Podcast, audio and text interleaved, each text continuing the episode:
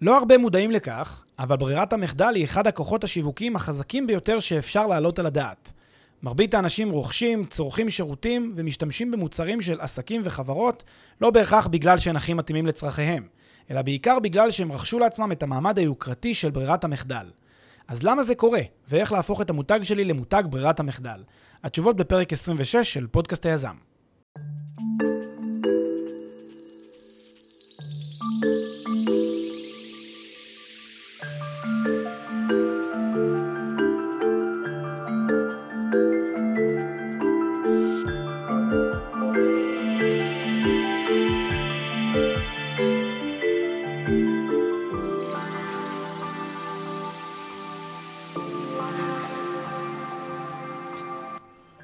אהלן כולם, ברוכים הבאים לפרק 26 של פודקאסט היזם, אני שמח מאוד שאתם מצטרפים, כאן פלג דוידוביץ'. לפני שנתחיל אה, בפרק על אה, ברירות המחדל השיווקיות, אני רוצה להזמין אתכם כרגיל להצטרף לקהילת המאזינים של פודקאסט היזם בפייסבוק. חפשו פודקאסט היזם בשורת החיפוש ותצטרפו לקהילה. מקום טוב אה, בו אפשר לפדבק את הפרקים, לדון קצת מעבר לדברים שאנחנו מדברים כאן בפרקים, אז אשמח לראות אתכם מצטרפים. היום אני רוצה לדבר על אחד ה... לא יודע מה, האלמנטים הכי משמעותיים, הכי בסיסיים בעולם השיווק, שממש, אה, אני חושב שלא לא מקבל, לא מקבל מספיק תשומת לב אה, בכל מה שקשור לבניית מותגים ובניית חברות, והוא הנושא הזה של אה, ברירת המחדל, הדיפולט. הדיפולט השיווקית, או כלל ברירת המחדל, או עקרון ברירת המחדל השיווקית. אמ, אני רוצה, אה, בפרק הזה, אני תמיד מחלק אותו לחלקים, אז את הפרק הזה אני כרגיל אתחיל ברקע לו, מה, מה הוביל אותי לדבר על הנושא הזה. אמ, אחר כך אני רוצה להסביר מה זו ברירת המחדל השיווקית. אה, אני אענה לשאלה האם ברירת המחדל היא המוצר או השירות הכי טוב בהכרח, למה כן, למה לא. אה, למה זה קורה? למה יש פער כזה לפעמים בין המוצר או השירות הכי טובים לבין אה, משהו גם באמת ברירת המחדל השיווקית.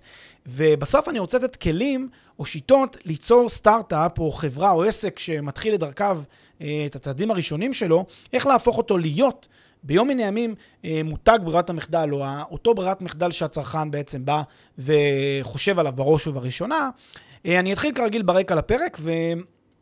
באמת כשאני בונה אה, מיזם, בונה איזושהי פעילות עסקית, אה, שאני חושב שאני תופס אותה כמאוד מעניינת, כמאוד אה, חזקה, אבל אני גם יודע באותה נשימה שאם היא לא תהפוך להיות אה, ברירת מחדל, או אם היא לא תהפוך להיות משהו שהוא גדול ומוכר מספיק, אז אה, בעצם אה, זה יהיה עסק תפעולי, זה יהיה עסק אה, רווחי, זה לא יגיע לממדים אה, אסטרונומיים, אה, ממדים גדולים, כמו החלום של כל אה, יזם אה, שיוצא לדרך באיזשהו מיזם או סטארט-אפ או כל דבר אחר.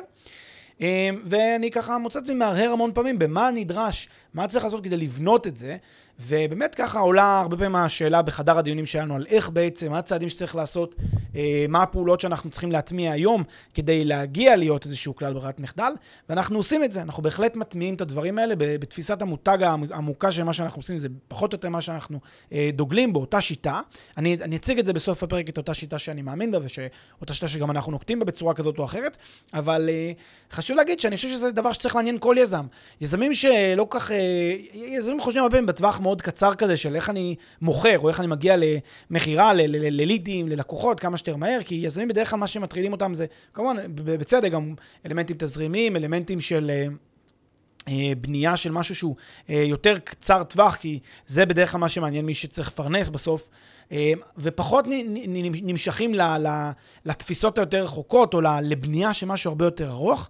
הם לא כל כך מגיעים לחשוב, חלקם לפחות, על להיות ברירת מחדל, זה כאילו משהו שהוא מותרות הרבה פעמים בחייו של, בעולמו של יזם, ואני רוצה להפנות את הזרקור דווקא לזה היום בפרק הזה, כי אני חושב שזו סוגיה מאוד מאוד חשובה, אפילו שהרבה אנשים לא נותנים לה את המשקל הראוי. אז אני רוצה להסביר קודם כל מה זה ברירת מחדל שיווקית. ואני אנסה לשכנע אתכם בזה שיש דבר כזה, בזה שאני אגיד לכם לעשות משהו מאוד פשוט. דמיינו שנייה איך נראה היום שלכם. אתם uh, קמים בבוקר, uh, לא יודע מה, אוכלים, uh, uh, אוכלים uh, דגני בוקר, שותים חלב, כוס קפה, אחר כך בעבודה אתם במחשב uh, ספציפי, שיש לכם שם מסך שלו ומחשב, ויש לכם סמארטפון, ואתם uh, עובדים עם תוכנות ספציפיות שהורדתם, שיש לכם מותקנות כבר, ובערב אתם צופים בטלוויזיה, ואוכלים אוכל. הכל, כל, כל דבר שאתם עושים, תנסו פעם להסתכל שנייה עליכם בכזה, במין זום אאוט כזה, על מה שאתם עושים. נסו לדמיין איזה מותגים, איזה, חברו, איזה חברות בעצם אה, פגשתם באותו יום. ממי צרכתם את השירותים שלכם, ממי צרכתם את המוצרים שלכם, איפה קניתם, איפה אכלתם, איזה, איזה תוכניות צפיתם. אה, אני מעריך שבסבירות מאוד מאוד גבוהה, אתם תראו ש... רוב ה... אני לא מתמקד בשאלה אה, אה, כמה מכם צרכו מאותן חברות, זה ברור לגמרי שכולנו בסוף, כן, יש בשווקים ריכוזיים, ו- ו- וישראל היא אחת מהשווקים הריכוזיים, אז סביר להניח שכולנו צורכים מקבוצה מסוימת, די מצומצמת של חברות, את רוב הדברים, אז זה, זה אני שם בדיון נפרד. השאלה שמעניינת אותי, למה בעצם בחרתם דווקא באותן חברות? כי לכאורה יש שוק חופשי, לכאורה יש תחרות, ולכאורה כל חברה, כל עסק קטן יכול להציע את מרכולתו, ואתם לאו דווקא חייבים לקנות... אה, לא יודע מה האוכל, או, או פיצה מהמותג אה, שקרוב לביתכם, שאתם חושבים שהוא המותג הכי טוב, ואתם לאו דווקא צריכים את הדגני בוקר של החברה הכי מוכרת, יכולתם לטעום דגני בוקר ש, של איזו חברה קטנה שאף אחד לא מכיר אותה, ועדיין סביר להניח שהלכתם דווקא לחברה הגדולה. עכשיו, חלק מכם יענו, תשמע, אני טעמתי את כולם, ואני החלטתי שהחברה המוכרת והגדולה היא הכי טובה, אבל אני חושב שרוב האנשים זה לא ממש ככה אצלם.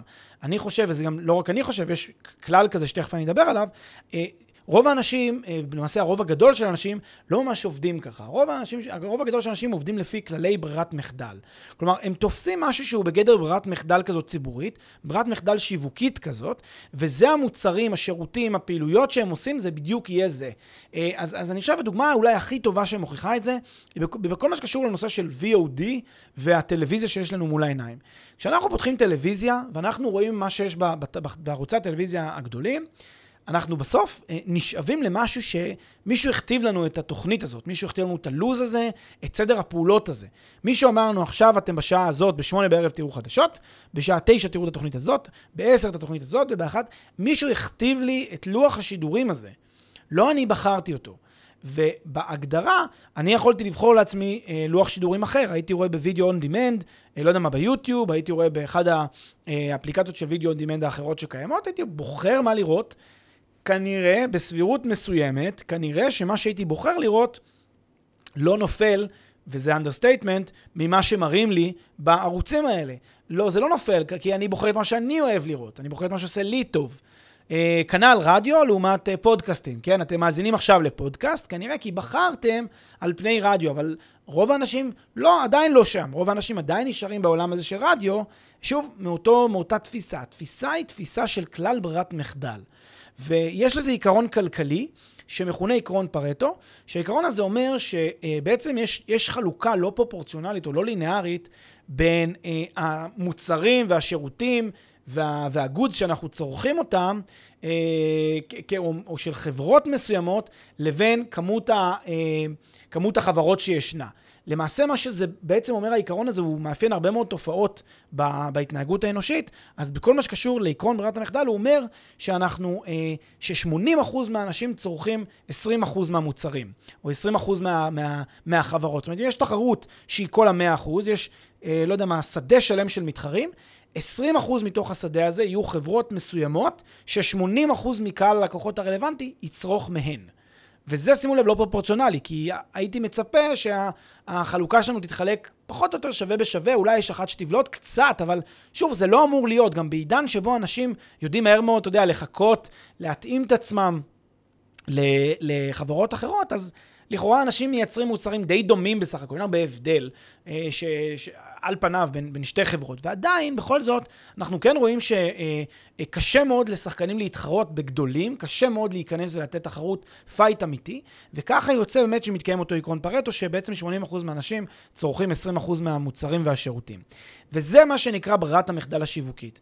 זה בעצם שאני נשען על איזושהי ברירת מחדל, ועכשיו אני רוצה לעבור לשאלה השנייה, שהאם בעצם ברירת המחדל היא טובה, בהכרח, אה, או הכי, או הכי טובה, כן? וכאן כבר קצת רמזתי שזה לא ממש כך. רמזתי את זה בדוגמה של ה-VOD וה-AOD. אה, האמת המצערת היא שבמרבית המקרים, לפחות להערכתי, ברירת המחדל היא לא הכי טובה, ואני חושב שיש לזה גם היגיון מאוד מאוד חזק. קודם כל אני רוצה רגע להסביר מה אני מתכוון כשאני אומר שהיא לא הכי טובה. לי יש אה, שלל אה, חברות שיכולות להגיש לי דגני בוקר, מדי בוקר. ועדיין אני כנראה אצמד לאותן חברות שהן ברירת המחדל. תכף אני אסביר למה אני עושה את זה. אבל אני רק אומר ש... אני לא טעמתי את כולם, בהגדרה לא טעמתי את כולם, כי לא הלכתי ו... שוב, אולי יש כאלה שכן, אותם 20 אחוז, אותו נתח קטן שכן מנסה, אולי כן טועים. אבל בוא נגיד מתוך ה-80 אחוז, מתוך ההמון, כנראה שהרוב פשוט קנו את מה שהוא בגדר ברירת המחדל, תכף נסביר למה הם עושים את זה, וזה, וזה מה שיוצא בסוף. הם לא טעמו את האחרים. אז מאוד סביר, כי אני מסתכלים על זה רגע ברמה יותר רחבה, מאוד סביר להניח שאם לא טעמתי משהו, אני לא יכול לדעת אם הוא יותר טוב או פחות טוב.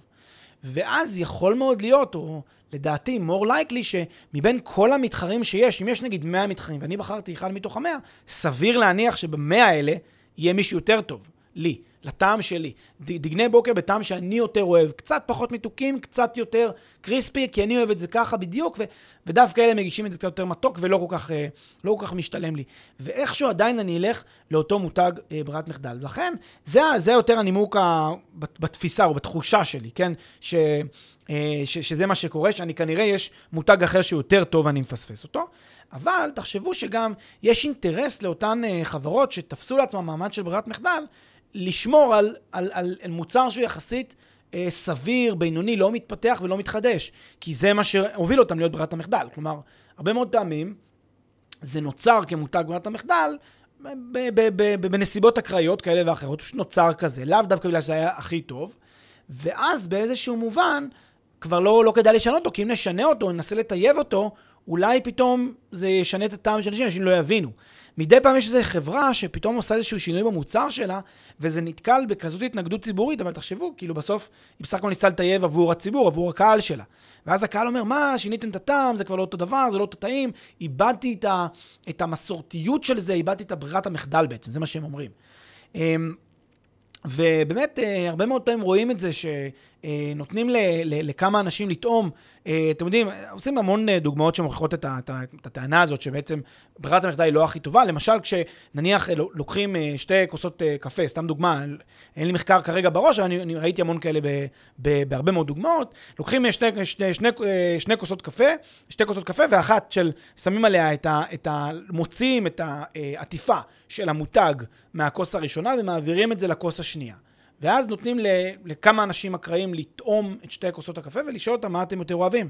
רוב האנשים יבחרו באותה כוס קפה שעכשיו יש עליה את התווית של המותג, אה, המותג הזה, ובניסוי אחר יעשו את הכוס אה, הראשונה עם, עם, אותו, עם אותו מותג, והם יבחרו דווקא אותה. כלומר, הטעם שלי, או העדיפות שלי, תשתנה בהתאם למותג שאני רואה אותו. זה גם ההוכחה לזה שבסופו של דבר לברירת המחדל יש איזשהו יתרון נעלה, גם אם היא פחות טובה, גם אם אני פחות אוהב אותה, רק בגלל העובדה שיש פה באמת את אותו, את אותו אלמנט של מותג. או, או לפחות זה מוכיח שלאיכות של המוצר אין חשיבות בהכרח כי אני אה, יכול לבחור באותה קלות גם משהו שהוא פחות איכותי, ובלבד שהוא נושא את המותג אה, של אותו כוס קפה. אז זה בעצם היותר האיך, אבל עכשיו אני רוצה לשאול את הלמה. למה זה קורה? למה בעצם אה, נוצר לי... נוצרת לי תפיסה כזאת של ה-80-20 בנוגע למותג ברירת המחדל, ויש חמש סיבות לזה שאפשר לאפיין. הסיבה הראשונה היא תופעה עדרית מסוימת. יש איזשהו עניין של עדר מסוים שעובד כמעט בצורה, קשה להסביר את זה, אבל זה קורה כמעט בצורה משותפת. אנשים ביחד מקבלים את ההחלטה, משתפים פעולה ביחד, מדברים אחד עם השני, זה עובר מפה לאוזן ונהיה מין כזה עדר. יש משהו נוח בלפעול בעדר, יש משהו מגן, עוטף בלפעול בתוך עדר, שאני פשוט עושה מה שכולם עושים, לא, לא יותר מדי חושב, לא יותר מדי מתלבט. אני בגדול פועל בצורה עדרית. זאת הסיבה הראשונה לזה שמותג ברירת המחדל שומר על כוחו כל כך הרבה זמן, והוא די בצורה חזקה ואיתנית. אמ, הסיבה השנייה היא שמרנות. הרבה מאוד פעמים מה שקורה זה אנשים פשוט רואים את זה כמותג ברירת מחדל, הם יודעים שזה עובד, והם מאמינים מאוד טוב בכלל שהאויב של הטוב זה היותר טוב. זה מה שהם חושבים. כי אנשים אומרים לעצמם, תשמע, יש לי טוב, אה, עזוב, מה אני צריך יותר טוב? אני, יש לי את המותג אה, דגני בוקר הזה, רוב, רוב האנשים אה, צורכים אותו בבוקר, בסדר, זה מספיק טוב, יאללה, מה, אני אנסה עכשיו משהו חדש, אני אקנה, אני אתאכזב, לא יהיה לי טוב. אז יש לי עניין שמרני כזה, טיפה עניין אולי אה, עמוק יותר, אידיאולוגי, מסורתי כזה, כמו שאמרתי קודם. משהו טיפה יותר עמוק, שגורם לי לא רק ההדריות הזאת.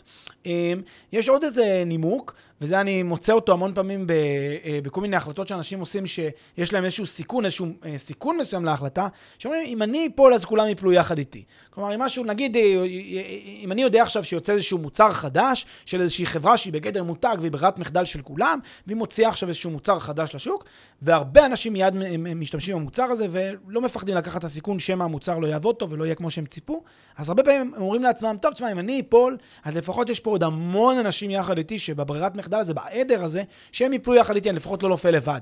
ואם אני הולך לאיזה חברה קטנה וקיקיונית כזאת, אז אם אני נופל, אז סתם ביאסתי את עצמי, וגם אין לי מי, אין לי, אה, אתה יודע, צרת רבים, חצי נחמה כזאת שאני יכול להישען עליה. אז זה באמת, חיס, אה, באמת יתרון כזה בנושא הזה של לפעול בתוך ברירת מחדל. אה, נימוק רביעי זה רצון לא להתבלט. אני לא רוצה להתבלט לרעה, אני לא רוצה שהנעליים שלי יהיו מדגם שבולט לרעה, שאף אחד לא מכיר את המותג הזה, כי יש בזה משהו שאני אהיה שונה, חריג, ב, כשאני עושה את הג'וגינג שלי או שאני רץ, אני לא רוצה שאנשים יראו שאני חריג לטובה או לרעה, אז אני מעדיף להיות עם מה שאיפשהו מקום טוב באמצע. אנשים שרוצים להיות אולי אנונימיים, אולי אנשים שרוצים שלא יותר מדי ימשכו תשומת לב, אה, זה גם סיבה. וגם יש עוד סיבה, והיא, הרבה אנשים פשוט רוצים לא להחליט. הם רוצים שמישהו יחליט בשבילם, והם מעדיפים להציל את שיקול הדעת שלהם.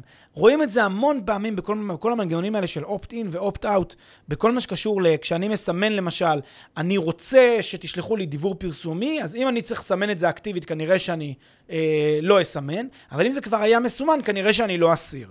ואז באמת יש פה איזשהו עניין שאנשים, בגלל שכבר זה סומן לי, זה הדיפולט, זה ברירת המחדל, אז אני לא, לא אשנה את זה. יש פה איזשהו אה, עניין כזה מסוים שאני רוצה לא להחליט. אני סומך על משהו שמישהו אחר החליט בשבילי, זה נראה לי מספיק טוב.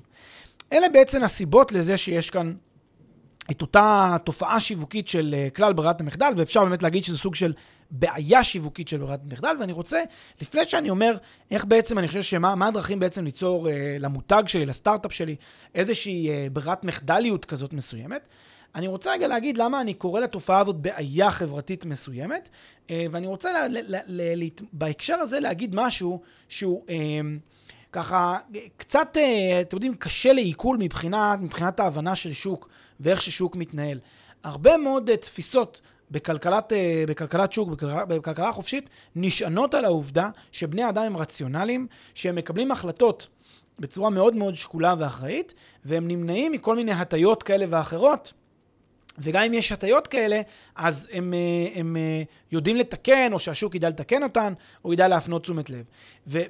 כל הפרק הזה מתכתב מאוד עם הנושא, ולא בכדי, עם הנושא של מונופולים, שמונופולים זה בעצם סוגים של חברות שבעצם תפסו אחיזה מאוד חזקה בשוק, אה, שזה מונופולים, אם תרצו, מונופולים טבעיים, מונופולים של השוק, לעומת מונופולים שנוצרו על ידי רגולציה, או מונופולים שנוצרו על ידי, אה, כן, החלטה, החלטה מדינתית. את המונופולים שנוצרו על ידי רגולציה אני שם בצד, זה משהו שאתם יודעים, חקיקה יצרה את המונופול, או רגולציה יצרה את המונופול, שזה בעיה מאוד מאוד חזקה במדינות אה, פחות חופשיות, יש גם בארץ כל מיני תעשיות שיש את הבעיה הזאת. נשים את זה בצד, זה חורג מהדיון. אני מדבר על נושא של מונופולים שנוצרו על ידי השוק. הרי, תחשבו, יש חברות ענק שהפכו לברירת מחדל, ולא היה שום רגולציה שיצרה את זה. שום דבר. פשוט הם, uh, הקהל אהב, נהנה, צרח, השתמש, ואחד אמר לשני שאמר שלישי, זה גדל וגדל וגדל, נהיה מפלצת, וזה נהיה ברירת מחדל. ועכשיו אפילו אם ייצרו איזושהי רשת חברתית שהיא יותר טובה מפייסבוק, תחשבו על רשת חברתית מצוינת, אה, או, או מנוע חיפוש הרבה יותר טוב מגוגל, שיודע לחפש לי בדיוק את מה שאני צריך. כדי לשנות את ברירת המחדל, וזה הכל שוקי, אין פה, אף אחד לא קבע חוק. המנוע החיפוש הרשמי יהיה גוגל, אף אחד לא כתב את זה בשום ספר חוקים. וגם לא קבעו רגולציה על, אה, על רשתות חברתיות. לא רגולציה לפחות שאומרת איך ליצור רשת חברתית, יכולים להיות אנשים שמפתחים רשתות חברתיות יותר טובות, או אה, מנועי חיפוש יותר טובים. ועדיין כדי לשנות את ברירת המחדל הזאת, זה מהלך לדעתי כמעט בלתי אפשרי. או, או, או אולי עוד, עוד, עוד כמה עשרות רבות של שנים דבר כזה יכול לקרות. מאוד מאוד יהיה קשה לעשות את השינוי הזה. זה מעין מונופול שוקי. והרבה מאוד פעמים אני שומע טענה מקרב אה, הרבה אה, כלכלנים, ש, שבסך הכל אני מסכים עם, ה, עם האינטואיציה, עם האידיאולוגיה. אני מסכים איתה. אני מסכים שעדיף לא להתערב. אני לא, לא קורא פה להתערבות חיי, אני רק חושב שיש איזושהי הנחה מסוימת שהיא קצת או מיתממת או מקלה, כן? מקלה במשמעות של אה, אותה, אותה, אה, אותו מונופול שוקי שנוצר. אותו מונופול שוקי שנוצר, כדי לשנות אותו, צריך הרבה יותר מאשר סתם שתקום חברה שתעשה את זה יותר טוב. הרבה יותר מזה. צריך משהו דרמטי. כי יש פה אלמנטים פסיכולוגיים עמוקים שהרגע ציינתי את ההסבר להם, אותם חמש אה, סיבות של ברירת המחדל. זה כבר הפך להיות מותג ברירת מחדל עד כדי כך חזק, שכדי לשנות את זה ולהטות את זה, צריך פה משהו שהוא הרבה יותר משמעותי מאשר סתם שתקום חברה שתיצור מוצר יותר טוב. אה, ולכן זה מעין איזושהי נקודה כזאת שפניתי אליה כדי קצת לחדד אה, גם את המסר של הפרק וגם קצת את התפיסה, ו- ולהסביר שהרבה מאוד פעמים יש פה איזושהי קופה מאוד מאוד מאוד עסיסית לקטוף בתור יזם, אם הצלחת להגיע או הצלחת להגיע לנקודת המכרה זהב הזה של ברירת המחדל. ואולי זה מוביל אותי בדיוק בצורה הכי טובה לשיטות שאני חושב שכדאי לפעול בהן כדי ליצור, אה, להפוך את המותג, את הסטארט-אפ, את העסק שאני בונה, לברירת המחדל. וכאן אני רוצה לפתח את זה לשני סוגים של תחומים. אם התחום הוא לא מפותח, אה, כלומר התחום אין בו ברירת מחדל, כי התחום עדיין אה, חדש יחסית, הוא לאו דווקא חייב להיות חדשני, הוא לאו דווקא, דווקא חייב להיות ראשוניים בתחום, אבל מספיק שהתחום הוא לא מפותח, אז יש דרך אחת. אם התחום הוא כן מפותח, אז יש דרך אחרת, והיא גם בסוף תתכנס לדרך הראשונה. אז בואו נתחיל רגע מה קורה כשהתחום הוא לא מפותח. אז קודם כל, כמו שאמרתי, לא צריך להיות ראשון בתחום. אני לא חייב, זה, זה איזושהי הנחה שהרבה אנשים לוקחים, אם אתה לא ראשון, איבדת את זה. זה, זה בעיניי שטות גמורה. אין קשר בין מי שראשון למי שבסוף הופך להיות ברירת המחדל של השוק. יש כל כך הרבה דוגמאות, אין סוף דוגמאות למעשה לחברות. הנה, אפילו ציינתי קודם פייסבוק, אבל הן לא היחידות. יש, אה, אה, אה, כן, אמזון ועליבאבא ו... וגט, והמון חברות, ווולט, המון המון המון חברות שלא היו ראשונות בשוק, בכלל בכלל לא, ווייז, הם היו uh, 8, 20, 200, לא משנה מתי הם הגיעו, היו הרבה לפניהם, uh, uh, היו גם הרבה אחריהם, כן? היו המון לפניהם שלא הצליחו. היה להם הרבה מאוד דברים שקשורים קצת לטיימינג, למזל בעיקר לדעתי. uh, אולי גם קצת uh, uh, יתרונות ספציפיים במקומות ששוב, שהשוק בדיוק היה צריך שוב איזשהו עניין מזלי כזה אקראי, אבל בגדול, uh, לא היה פה ראשוניות, ולכן הראשוניות כתנאי להפוך לברירת מחדל זה ממש לא נכון, לא צריך להיות ראשון, וגם לא צריך להיות חדשני. פשוט אם, אם התחום הוא כזה שהוא אין בו עדיין ברירת מחדל, אני חושב שמה שצריך לשים את מלוא הדגש במוצר שאתם מפתחים אותו, הוא דווקא, לאו דווקא במוצר עצמו, לאו דווקא ביתרונות של המוצר, לאו דווקא בניסיון שהמוצר הזה ימכור היום הרבה, כמו שהרבה אנשים באינטואיציה שלהם, לדעתי הפוך. לדעתי, ואני חוזר על זה המון גם בפודקאסט היזם, בהרבה מאוד פרקים, אני חושב שצריך להבין לעומק את המונח מותג. אני חושב שצריך לבנות כאן מותג, כשההסתכלות היא אפילו עשור שניים קדימה. עד כדי כך רחוק אני צריך להסתכל. אני צריך לבנות היום, להניח את הזרעים למותג ש, שינביט בעוד עשור או שניים. זה מה שאני צריך לעשות. ואז אני צריך בעצם לבנות מותג חזק ועמוק ושורשי, שיש לו שורשים נטועים עמוק בקרקע, שהבנייה של המותג הזה חייבת להיות כזאת. אחד, אני חייב להיות מאוד מאוד עקבי. אני חייב להיות עם מסרים ברורים וחדים. כל הזמן אני חייב לחזור על אותם מסרים ברורים ועקביים ולעשות מותג שהוא מאוד מאוד עקבי. שאני, יש לי תפיסת עולם נטועה עמוק והיא גם הגיונית. כלומר, אני חייב לשבת ולייסד לעצמי תפיסת עולם שהיא הגיונית, שאני מאמין בה, שאני חושב שהיא תפיסת העולם הנכונה, שהיא כדאי שהיא נשענת גם לא רק על, על, על, על, על אה, פופוליזם ועל סיסמאות, אלא גם כמובן על עובדות, גם על מחקרים, לא להתבייש לעבוד על מחקרים ו, ועל משהו שהוא טיפה יותר רחב אקדמית, להבין בצורה הוליסטית את התחום שלי וליצור איזושהי תפיסת עולם מגובשת היטב, שהיא מחזיקה מעמד גם כשלא הרבה קונים, גם כשהשוק הוא לא כל כך טוב וגם כשיש בעיות של לא יודע מה. אני צריך להבין כבר ברגע שאני בונה את תפיסת העולם הזאת, איזה מותג אני רוצה שיהיה בעוד 10-20 שנה. ואת המותג הזה אני צריך לבנות אותו לאט לאט עקב בצד אגודל. זה מה שאני חושב שנכון אה, אה, אה, לעשות. החזרתיות על המסרים צריכה להיות בצורה תדירה. כל פעם, כל כמה אה, זמן אני חייב לחזור על המסרים האלה, להשקות את, ה, את, ה, כן, את העציץ שמתחיל לצמוח לו, חייב לעבוד על זה בצורה אה, סדורה ועקבית. מה שעוד חשוב לקחת בחשבון, זה שיש פה זמן. והרבה זמן. אמרתי עשור שניים קדימה, זה קצת קשה להבין את זה, כי כשנמצאים בתוך ההקמה של זה, בתוך ההתנעה, כבר רוצים מהר מהר לראות משהו. לא רק אתם, רוצים גם משקיעים לראות משהו, הלקוחות מצפים לראות uh, שדברים קורים, וקשה לפעמים לתת להם את, התשובה, כי הם, גם הלקוחות לא מהר יקנו דווקא אצלכם, כשהם רואים חברות שכבר, uh, לא יודע מה, שכבר פעילות, או כבר שעובדות, ואתם עדיין עדיין תקועים בלהנביט כל מיני עצים. אז הרעיון או התפיסה, היא צריכה להיות הרבה הרבה יותר אה, ארוכת טווח, ולכן חייבים להיות עם אורך רוח אמיתי. להאמין שאם אתם עושים את הדבר הזה נכון, חוזרים על המסר, אתם תצליחו בסיכומו של דבר, ואני חושב שמימד הזמן הוא המימד הכי חשוב. לדעתי הוא מהווה שיעור מאוד מאוד גבוה מההצלחה של, של להפוך לברירת המחדל. אם תמתינו זמן מספיק רב, תחזרו על המסרים, תבנו את המותג הזה לאט לאט, ושוב, שזה יהיה מותג עקבי עם מסר ברור וחד ומשכנע, אני חושב שבסבירות מאוד מאוד מאוד גבוהה אתם תהפכו למותג ברירת המחדל. אני באמת מאמין בזה, וזה דבר שממליץ לכל אחד לנסות. אני, אני אישית מאמין בזה, עושה את זה, אה, דוגל בזה, אז אה, אם זה נותן השראה, אני מאוד אשמח. וכמובן גם אשמח לשמוע אם יש לכם דעה אחרת אה, בהקשר הזה. אני רוצה גם להגיד גם מה קורה עם, עם השדה שאני נכנס אליו, הוא כבר מפותח, כלומר שיש בו מותג ברירת מחדל אחד. וכאן, כאן באמת הרבה אנשים יגידו, לא, זה יהיה מאוד מאוד קשה. אני קצת מסכים וקצת לא מסכים.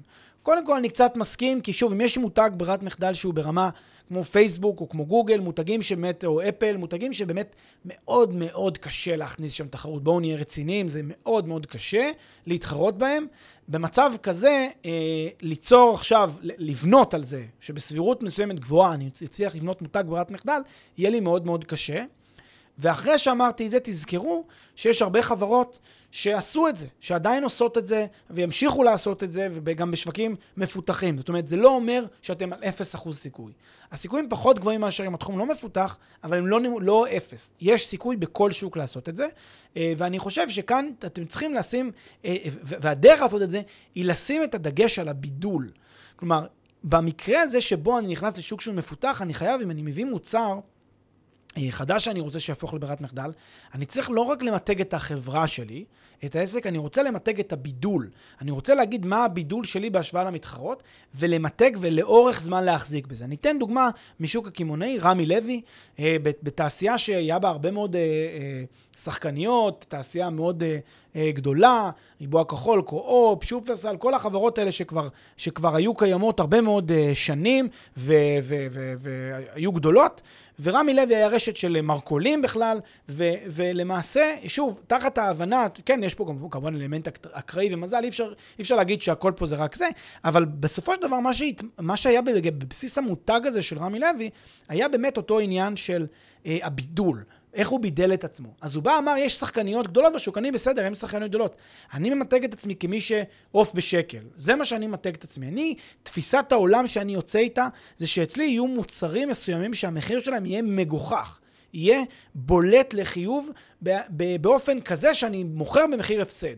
אז יהיה לי מוצר אחד כזה שזה יהיה עכשיו, זה תפיסת העולם שאיתה הוא פרץ לתודעה. והוא עשה את זה בצורה עקבית, והוא שמר על המחירים של אותם ספציפית, אה, מאותם מוצרים מאוד מאוד מסוימים שהוא בחר אותם, הוא שמר עליהם באותה רמה הרבה הרבה זמן, זה לקח לו הרבה מאוד שנים להגיע לרמה שהוא פתאום נהיה אה, גדול, מוכר, והיום הוא מותג ברירת המחדל של הרבה מאוד לקוחות בישראל. אז אה, זה יכול לקרות, זה קורה אפילו בשווקים עמוסים, רק מה שהדגש כאן הוא אותו בידול. אני צריך בעצם לבחור את אותה נקודה, יחד עם, ה, עם, ה, עם השם של החברה, יחד עם ה, ה, ה, תפיסת העולם שלה, יחד עם המוצר המבדל. ואותם לשים בקדמת הבמה, ועכשיו שוב פעם, לשים את הזרעים, להנביט, להתחיל להשקות, לחזור, לחזור, לחזור, כל הזמן לחזור, לפמפם את המסר הזה על פני הרבה מאוד זמן, עשור, שניים, ואז אני אגיע לממדים אה, הגדולים האלה של להיות מותג ברירת מחדל, וזאת אה, התפיסת עולם שאני מאוד מאוד אה, בטוח שמי אה, ש... זה הדרך, לדעתי, עם סיכוי מאוד מאוד גבוה, אני חושב אבסולוטית להצליח. זאת אומרת, אני באמת מאמין בזה. זמן זמן כמשהו קריטי. בנוסף לזה, אני צריך איזשהו מסר חד, ברור, עקבי ומשכנע, שנשען על עובדות, שנשען על משהו שבסוף אני צריך לעבור עם המסר הזה את הקהל, אני צריך שהקהל יאמין, ישתכנע בדבר הזה. אז המסר הזה חייב להיות ברור ועקבי. ומשם והלאה אני חייב אה, להמשיך באותה אמונה ולהמשיך אה, בכיוון הזה. אה, בכלל זמן אני חושב שזה כלי, אה, הכלי הכי חשוב בעולם היזמות, זמן וסבלנות, משהו שהוא, אה, והתמדה, שלדעתי הם שלובים, הם מאוד מאוד חשובים בהצלחה של אה, מיזמים בהקשר הזה. ואני רוצה באמת אה, לסכם ב, ב, במסקנה, אני חושב, של הפרק הזה, ולחזור חזרה דרך, באמצעות, באמצעות החזרה לתחילת הפרק, גם להגיע למסקנה. בגדול, אני חושב שכלל ברירת המחדל הזה הוא, אה, הוא מאוד מאוד קשה כשנמצאים אה, בתחילת הדרך. הוא נראה לי משהו, מין כזה, מה שאני צריך לחצות, שנראה כמעט בלתי אפשרי להגיע לשם. אבל אתם צריכים להבין שכדי להגיע לשם, או, או ברגע שהגעתם לשם יותר נכון, אתם תהנו מכל כך הרבה, כל, ההצלחה שלכם תהיה כל כך חזקה, כי אתם ה-go-to של כל כך הרבה אנשים, 80% מהקהל יבחר בכם כאפשרות ראשונה. זה המון. אז אתם, אם ברגע שתצליחו למתג את עצמכם כשם, אתם הגעתם לשיא של השיאים שהייתם צריכים להגיע. עכשיו, ואני חושב שכדי להגיע לשם, זה באמת רק הצעדים האלה. זה, זה כמובן גם מזל, אבל אמרתי, זה בעיקר הצעדים האלה שציינתי. ולכן זה איזשהו, אני חושב, לקח מאוד מאוד חשוב. כדאי לשאוף כבר היום לברירת המחדל. כדאי כבר היום ב trade-off הזה, שבין הלהשקיע בהווה ובעתיד הקרוב לבין הלהשקיע בעתיד בברירת המחדל, לדעתי האיזון צריך להיות עם הרבה יותר מאשר היום משקל, מאשר אנשים עושים היום, כן? הרבה יותר משקל להפנות אל העתיד, לאותו מותג ברירת מחדל, ו- ו- ולהשקיע בזה, לבנות את אותה תפיסת עולם, ל- ל- ל- לעשות את זה, ולהאמין בזה. ובסוף, אם תצליחו להגיע לאותה נחלה מיוחלת, אני בטוח שאתם אה, אה, תפרחו ופתאום ת- ת- תעריכו מאוד את התעשייה, את השדה הזה שהגעתם אליו, דברים יתחברו בצורה הרבה יותר טובה, ו, וגם אה, אה, אין ספק שתוכלו להגדיר את עצמכם כהצלחה, את המיזם כהצלחה, ואני חושב שזה גם הלקח של הפרק הזה. אז אה, מקווה שהיה מעניין וברור ונתן ערך והעשיר. אני אשמח לשמוע אם לא, וגם אשמח לשמוע אם כן, כל פידבק. אנא הצטרפו לקבוצת המאזינים של פודקאסט היזם בפייסבוק, חפשו פודקאסט היזם בשורת החיפוש, אני אשמח לראות אתכם מצטרפים. ובינתיים, תודה רבה לכם על ההאזנה, ולהתראות בפרק הבא של פודקאסט היזם.